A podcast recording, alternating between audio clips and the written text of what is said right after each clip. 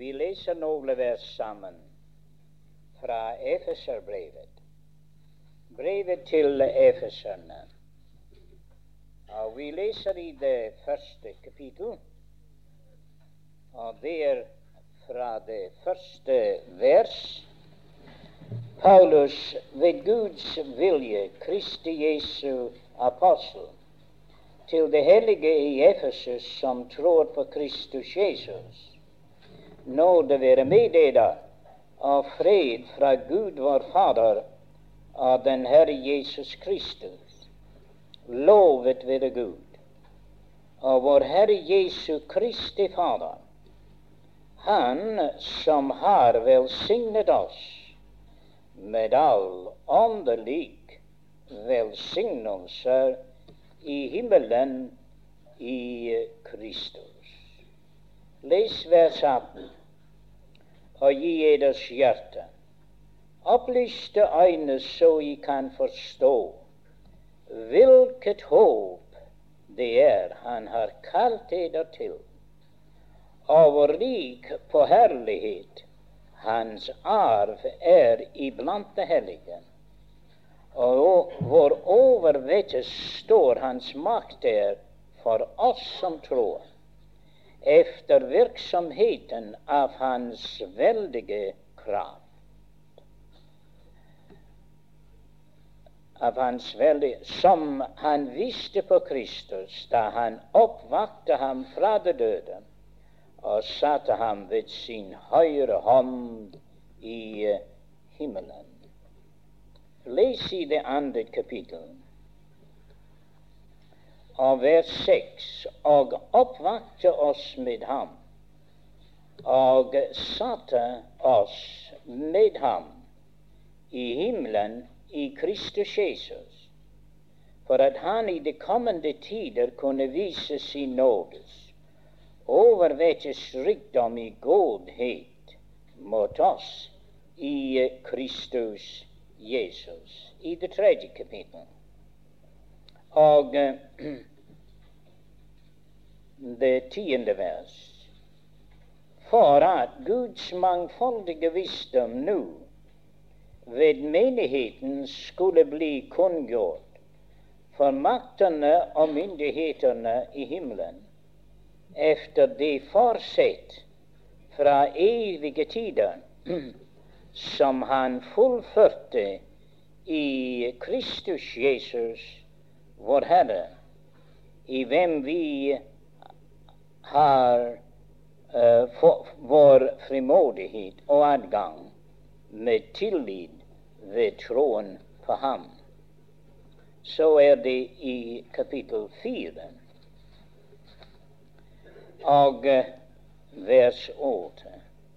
Derfor sier Skriften han for opp i det høye og bortførte fanger, og han gav menneskene gaver. Men dette han får opp, var der det uten at han først får ned til jordens lavere deler. Han som får ned, er den samme som får opp over alle himmelen for å fylle alt, og det er Han som gav oss noen til apostler, noen til profeter, noen til evangelister, noen til hyrder og lærere, for at de hellige kunne blive fullkomment gjort til tjeneste til Kristi legemes oppbyggelse. Og så vi kunne lese i kapitlet fem og det andre vers. Og vandre i kjærlighet, like som Kristus elsket eder, og gav seg selv for oss som en gave og et offer, Gud til en velbehagelig duft. Og i kapitlet seks av vers 10. For øvrig, bli sterk i Herren og i Hans veldes kraft. Ikle eders Gud rustning, så I kan stå eder mot djevelens listige angrep. For vi har ikke kamp mot blod og kjøtt, men mot makter og myndigheter og verdens herrer i dette mørket mot åndskapens ånde her i himmelrommet. Ta derfor Guds fulle rustning på, så I kan gjøre motstand på den onde dag og stå efter at have overvunnet alt. Da vi har lest noen skriftsteder, men jeg regner ikke med at vi blir i stand til at, uh, at uh, betrakte hver av disse skriftsteder. Men det var bare med tanken på at dette møtet begynte, disse møter begynte med dette at han som får opp, er den samme som får ned. Og han er faren opp og er overalt der i det himmelske. Så vi begynte med våre tanker festet på det himmelske.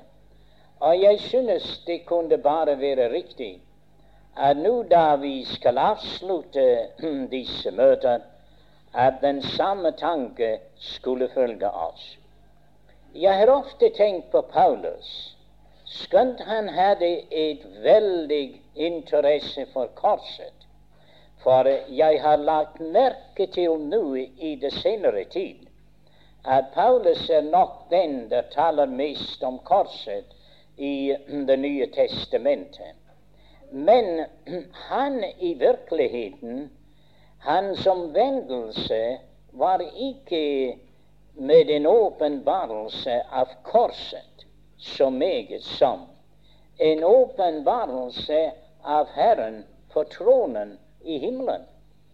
Det var det han hadde hørt uh, denne mannen Stefanus si, at herlighetens Gud åpenbaret seg for Abraham. Og da slutter han sin tale med dette. Og jeg sier Jesus Kristus stå ved Guds høyre hånd.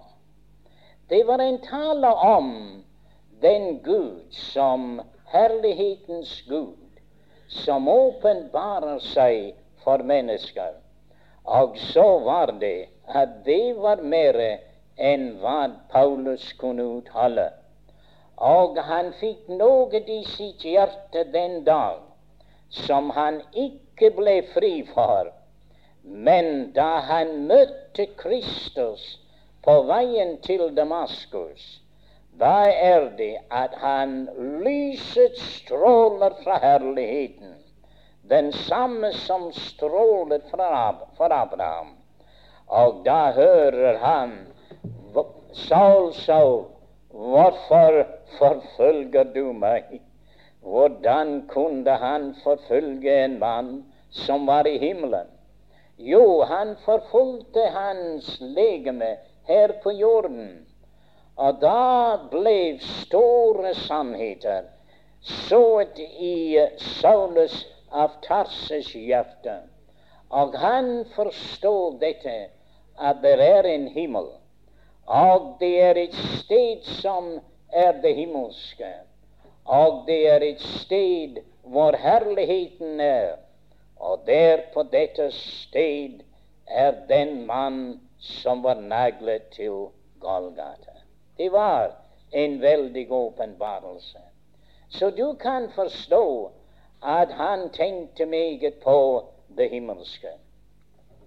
Og derfor har jeg sett dette, at når han skriver brevet til Efeserne, det er like som en tråd der løper igjennom hele brevet. Han er nemlig i det himmelske, og han ser alt fra himmelens standpunkt. Og derfor vi kunne ta det vers i det andre kapittel.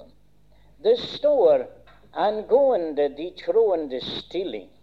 Dem som har troet på den Herre Jesus Kristus. Han har reist oss opp med ham, og han har satt oss i himmelen med ham. Noen oversettelser sier det himmelske, men det er akkurat det samme. Han har reist oss opp og satt oss i himmelen med ham. Nå, det er en ting som er så såre viktig. Vi hørte dette om evangeliet, som Paulus kaller mitt evangelium. Men dette som vi nå har berørt, den hører med til Paulus evangelium. Jeg sa ved et møte da jeg foreslo en tekst i Efeserbrevet Jeg var ved å si jeg skulle uh, lese fra evangeliet til efeserne. Og det er dette. Det er ikke bare i Matteus, Markus og Lukas vi har evangeliet. Men her i Efeserbrevet vi har det herligste evangelium. Og det forteller oss at han reiste oss opp med ham. Det er ikke bare at Kristus er oppstanden, men hans barn er også oppreist. Og det er ikke bare at han er oppreist, men han er i herligheten. Han sitter i himmelen. Men det er ikke bare at vi er reist, oppreist, men vi er satt i det himmelske med ham. Jeg synes at den tanke er en tanke der giver en veldig støtte til Guds barn. Det er så mange der kjemper og ville prøve på å nå frem. Men det er herlig å se at du allerede er nådd frem. At du allerede sitter der i det himmelske i Kristus. Jeg husker den fortelling om den unge mann som delte traktater ut og kom inn i en jernbanekupé og tilbød en traktat til en eldre mann. Den eldre mann han tok imot det, og den unge mann sier til ham, 'Er du på veien til himmelen?' sa han. Den gamle mann sa, 'Jeg er der'. Så tenkte den unge mann, hva er det for noen? Det må være han har ikke forstått meg. De har vel ikke forstått meg. Jeg spurte om de var på veien til himmelen. Jeg er der, sa han. Han tenkte nei, det er et merkelig tilfelle. Det er noe i veien med hovedet her. Men jeg skal prøve igjen. Og han forklaret han var at spørsmålet var om mannen var på veien til himmelen. Han sa ja, jeg forstår. Jeg er der. Og han siterte dette vers. Han reiste oss opp med ham, og han satte oss i himmelen i ham. Se, venner, det mennesket som er i Kristus Eders liv er skjult i Kristus i Gud, så det er en veldig sikkerhet der. Du kan være ganske sikker der. Og han reiste oss opp med ham, og han satte oss i himmelen med ham. Så Guds barn på en måte de er pilegrimer på veien til himmelen. Men i Guds store planer, de er allerede der. Det var det vi hadde frem ved et av møtene. At Guds store planer slår aldri feil. Så min venn, om det slår feil, så at du ikke kommer til himmelen, du blir vel den eneste. For Guds planer slår aldri feil. Det er derfor han kunne si at han kalte dem, han rettferdiggjorde dem, han helliggjorde dem, han herliggjør dem. Jo, i Guds tanker og efter hans besluttede råd. Vi skal stå for hans åsyn, likedannet med hans sønns bilde. Sannheten er den at vår stilling er i himmelen i Kristus Jesus. Din tilstand kan være kanskje litt annerledes, men stillingen, den er god. Og selvfølgelig vi kunne ønske at vår tilstand at det svarte overens med vår stilling. Men din tilstand kan aldri være god om din stilling ikke er god. Så om du er i Kristus, ja, da er du en nyskapning. Det gamle er forbiganget, og alt er blevet nytt. Det er en herlig stilling. Det er en høy stilling. Det er en sikkert stilling. For det er ingen fordømmelse for dem som er i Kristus Jesus. Meget kunne sies om dette, for det er et herlig evangelium. Men det er en side av saken som likesom med evangeliet vi hørte om, det er en sannhet som forsamlinger som vi samles med, de særlig poengterer denne sannhet fordi at de giver Guds barn en veldig visshet og trygghet i deres hjerter og en glede. For venn, om du går med tvil og anfektelser, du skal aldri kunne leve for Gud. Og du skal aldri kunne bli en glad kristen. Og du skal aldri kunne virke for Herren. Betingelser for å virke for Herren er at gleden i Herren er eders styrke. Og om du ser hva Herren har gjort for deg, og har løftet deg opp og frelst deg og satt deg i himmelen med Kristus, da blir glede, den glede din styrke. Og du vil kunne leve for ham, og du vil kunne vitne for ham. Det andre som vi leste, var at vi er velsignet med alle åndelige velsignelser i himmelen i Kristus Jesus. Venner, hvor er det velsignelsen kommer fra? Velsignelsen kommer fra himmelen. Å nei, det er dette mennesket de prøver på å velsigne. Men jeg tror ikke særlig på det, min venn. Jeg ville nok være glad for å høre et ord som dette Melkesedik sa. Han kom til Abraham. Nå, Melkesedik, han var en prest der stod på en helt annen rang for uh, en uh, Arons prestedømme. Ja, uten å si om de uh, menneskelige prestedømme som er på jorden. Han var en prest til evig tid. Og det er dette at han sa 'velsignet være Abraham av den høyeste Gud'. Det var jo ikke ham der velsignet den var han brakte velsignelsen fra himmelen, fra den høyeste Gud. Og kjære venner, vår prest er den prest efter Melkesediks ett, eller orden.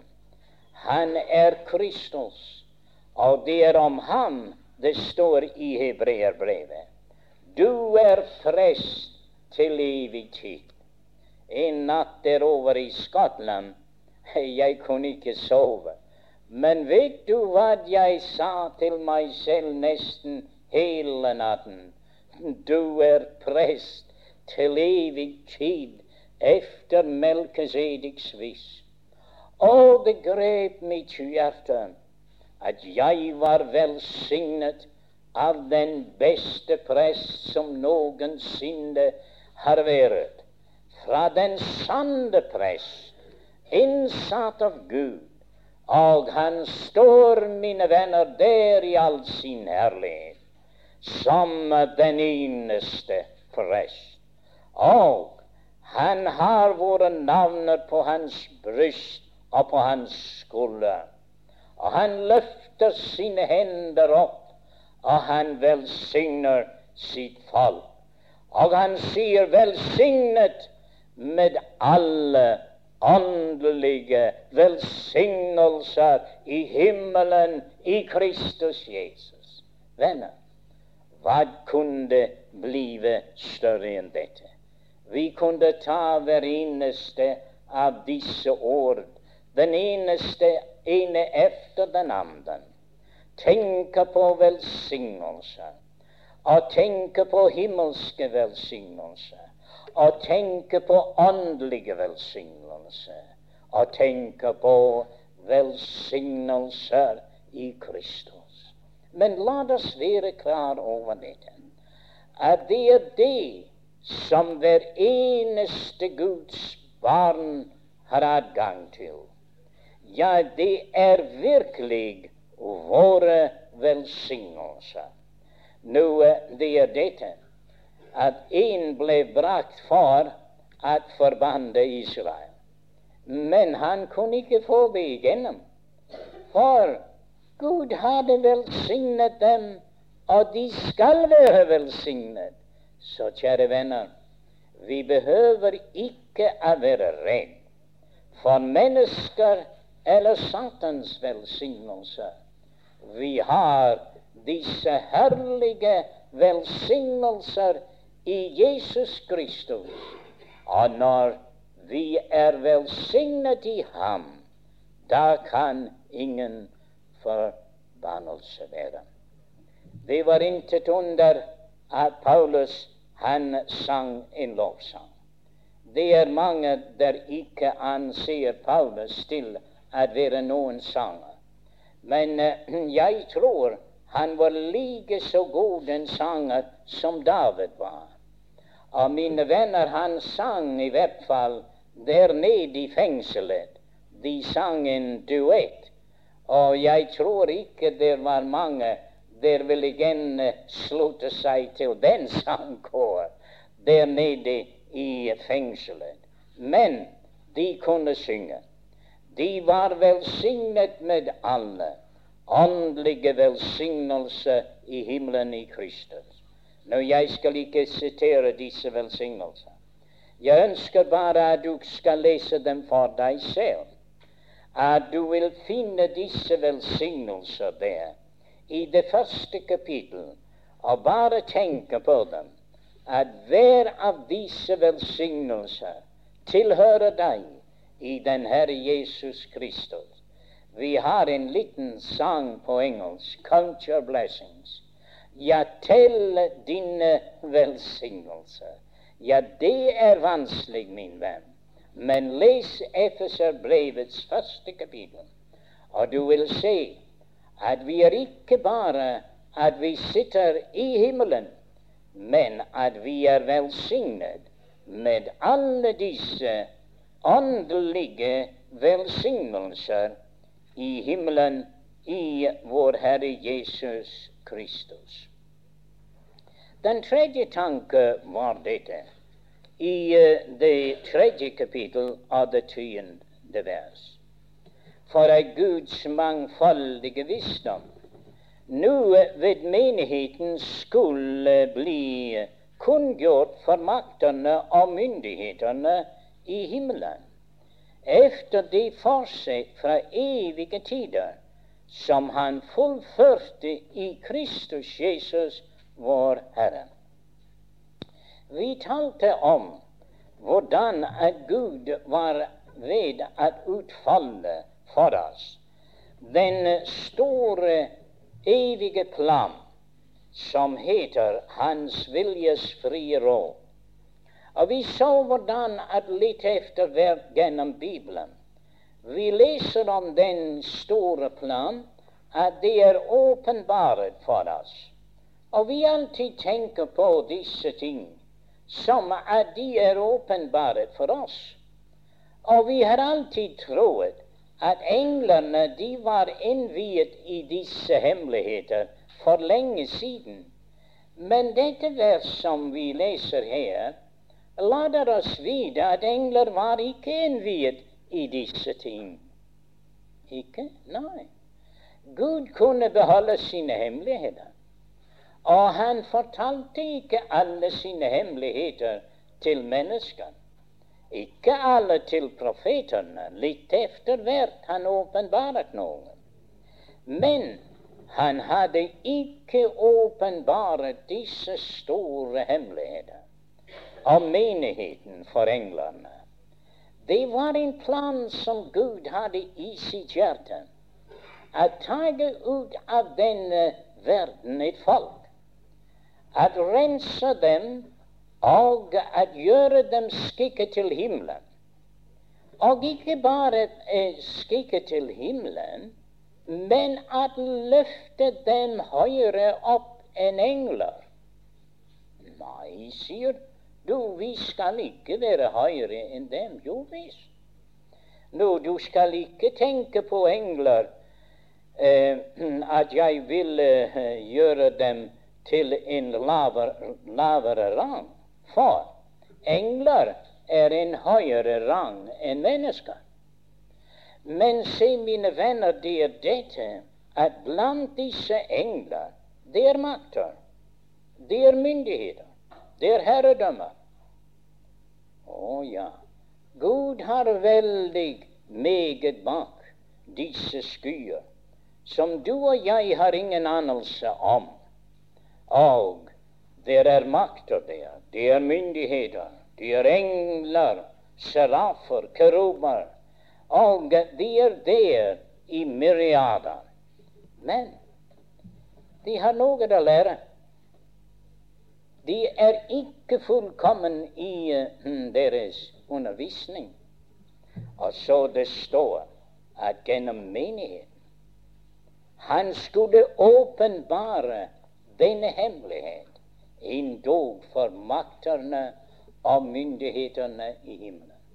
Tenk at de ser her skal Gud Han har skapt noen.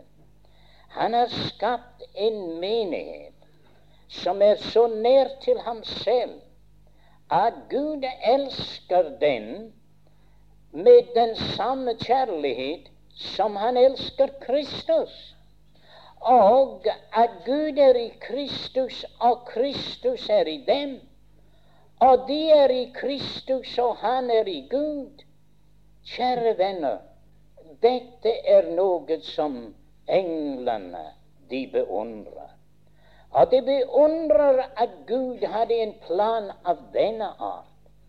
At løfte sånne fortapte syndere som vi og gjøre oss likedannet med sin sønns bilde, og løfte oss opp til det høyeste plasser i himmelen over makter og myndigheter.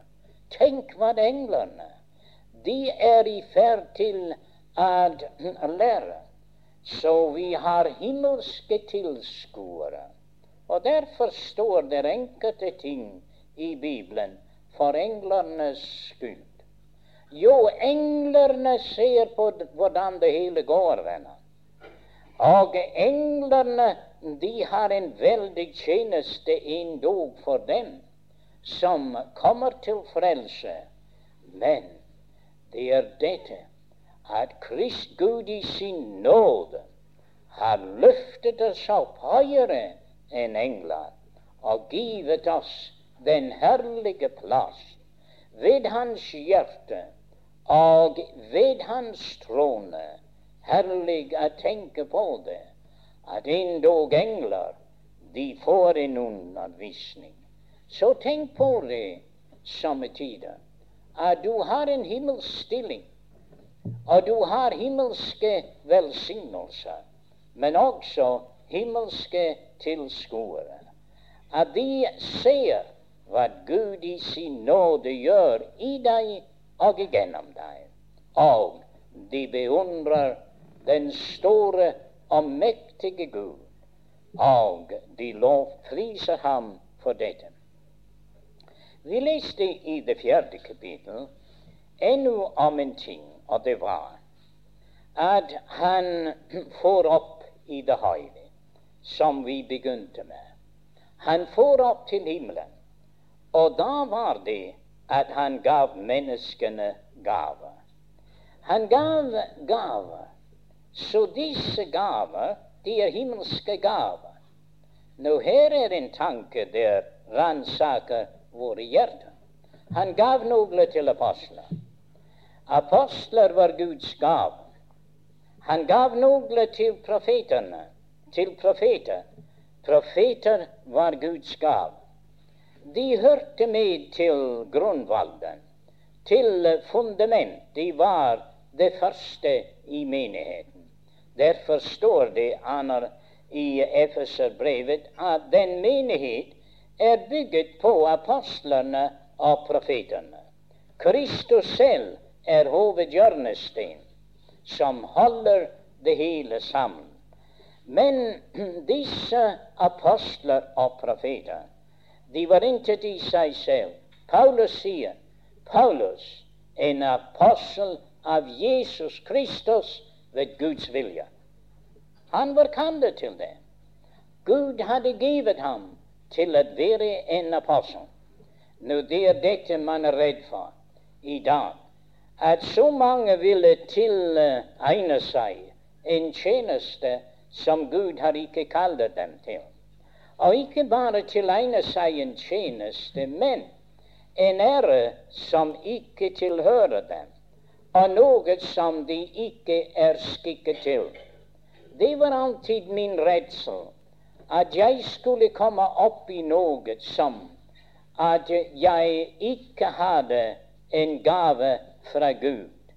Og mine venner, det har vært en plage for meg gang på gang. Men Paulus sa det er av Guds nåde jeg er det jeg er. Han visste at den gave han hadde, den kom fra himmelen. Og hvis du ikke får en gave fra himmelen, min venn, så skal du ikke påta deg noe som Gud ikke har satt deg til.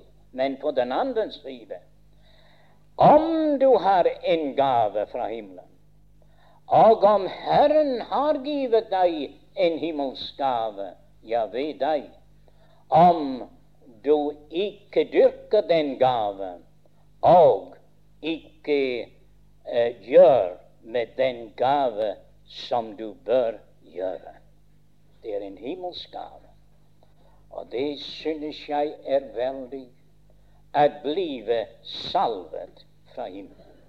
Du vet de taler om salvelse sommertider. Men salvelse var alltid til en oppgave. Se? En konge ble salvet. En prest ble salvet. En profet ble salvet. De ble salvet til en gærning. Og det er hva salvelse betyr. At en mann er en himmelsk gave, og han har den gave fra Gud. Og Gud har satt disse menn i forsamlinger. Noen er evangelister, noen er hyrder, noen er lærere, men de er himmelske gaver. Så den mann har ikke spor av rose seg selv. Og han har ikke spor av uh, at opphøye seg selv iblant de troende. Kjære venner, han har kun grunn til å være på sitt ansikt innenfor Gud og sier Gud takk for din usigelige nåde. Og at Gud ville kalle en mann til å være noe for ham og give ham en himmelsk gave. Jeg skal si det er noe vi burde ha respekt for, og bøye oss i Guds nærværelse. Og kjære unge troende, om Herren har gitt deg en gave, og jeg tror at Han giver hver en gave, noe de skal gjøre. Det er ikke sagt de er evangelist eller hyrde eller lærere, men det er andre som er en hjelp, osv.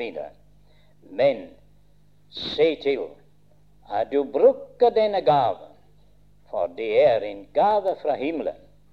Det er en himmelsk gave, og det er å bruke for Herren. Nå, tiden går jo altfor hurtig for meg. Men da vi kommer til den femte kapittel Jeg finner ikke egentlig et uttrykk i det femte kapittel om det himmelske. Men hva han taler om i kapittelet fem, er vår vandel. En vandel i kjærlighet, en vandel i lyset, en vandel som lysets barn. Nå, lysets barn er ikke verdens barn. Lysets barn er himmelens barn.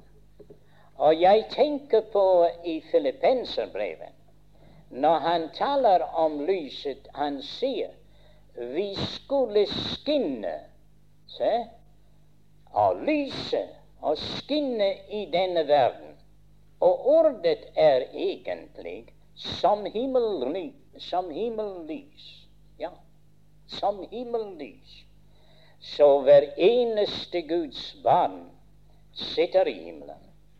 Hver eneste Guds barn er velsignet med himmelske velsignelser. Hver eneste Guds barn får en gave fra himmelen. Men hver eneste Guds barn, han skal vandre som en der hører himmelen til. Som himmelens barn. Ah, det er noe stort. Jeg somme tider forteller om en de sa om ham.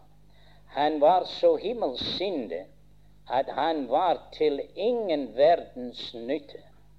Ja, jeg kunne ønske at vi hadde flere av den slags. Vi er til altfor meget nytte for denne verden. Men kjære venn, det er det at om du vandrer som lysets barn, du blir ikke en dårligere fisker for dette. Og du blir ikke en dårligere skomaker for dette. Du blir ikke en dårlig kontormann eller kvinne for dette.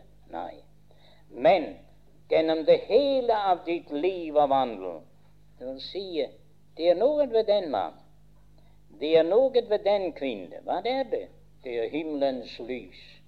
Det stråler igjennom dem. Og det kunne, og det burde være så, når vi er så høyt opphøyet.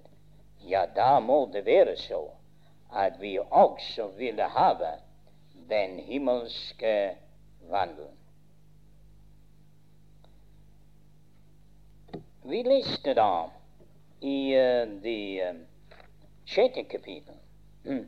og der var det at det viste oss en helt annen tanke.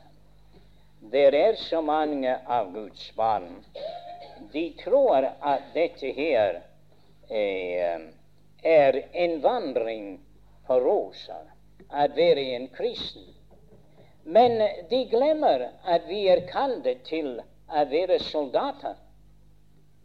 Ja, ja. Og jo en soldat, det kan være jo nokså interessant når han får soldattøy på. Det er måske ikke så uh, uh, så uh, lett for ham når han skal i trening. Men når han kommer ut i skyttergravene, ja, så sier du du skal ha takk for meg. Nei, nei, min venn. Du er kalt til å være en soldat. Og du er kalt til å gå i uh, trening. Og du er kalt til å gå i kamp. Vi så at det var himmelske makter og myndigheter som var så interessert og at de fikk meget undervisning gjennom menigheten angående Guds store planer. Men du uh, må lese her, og du vil finne at det er andre makter og myndigheter, og de er oss imot. Ja, de er oss imot. Hva det er det, kjære venner? Du og jeg er kalt til kamp. Og jeg somme tider sier min verste fiende, den har jeg alltid med meg. Det er den gamle Adam, om vi skal si det så. Det er ikke så lett å bli av med ham. Men saken er så at Guds barn de er omringet av fiender alle veiene og alle steder. Der er makter og myndighetene i himmelrommet.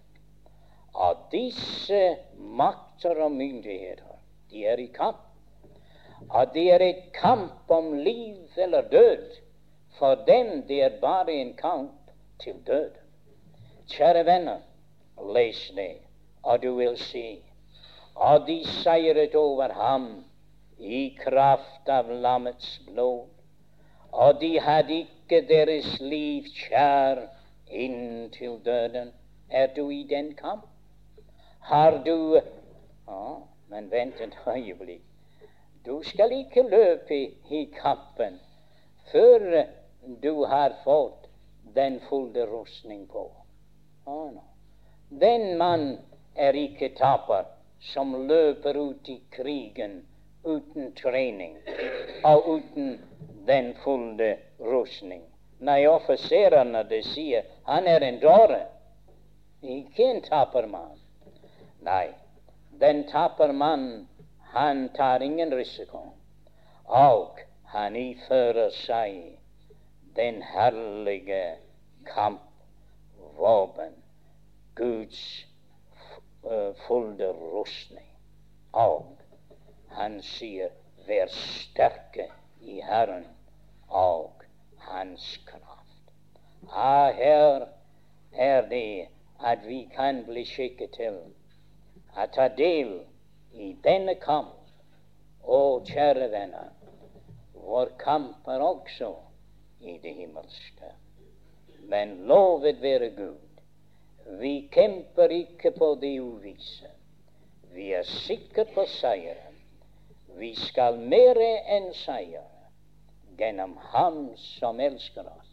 Men se til at du setter deg ned, og du finner ut av sjette kapittel i Efeserbrevet hva for disse forskjellige stykker av Guds fulle rustning hva det betyr og se til å få dem på, og så komme i kamp med disse mørkets makter.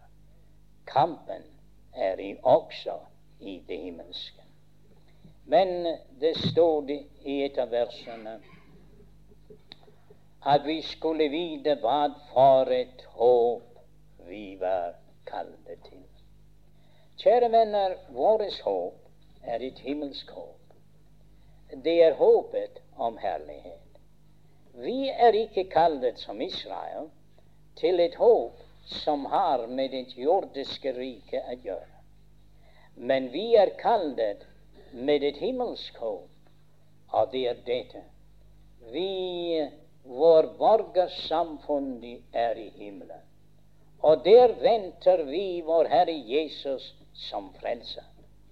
Han som skal forvandle vår fornedrelseslegeme og gjør det skikket med Hans herlighetslegeme. Paulus minner oss om det i Korinterbrevet. Vi har båret det jordiske spillet, nemlig vi likner Adam, alle sammen. Vi har båret det jordiske spillet. Men vi skal bære det himmelske spillet. Ah, tenk på det. Den dag er ikke langt borte. Og du skal stå så herlig og så skjønn der ved Herrens side i herlighet. Likedannet med din sønns bilde. Broder McKinnon pleier å si ja, I skulle si meg, se meg da. Ja, ja, kjære venner, se meg da. Hvordan jeg ser ut da, når jeg står i Hans nærværelse. Og det er dette.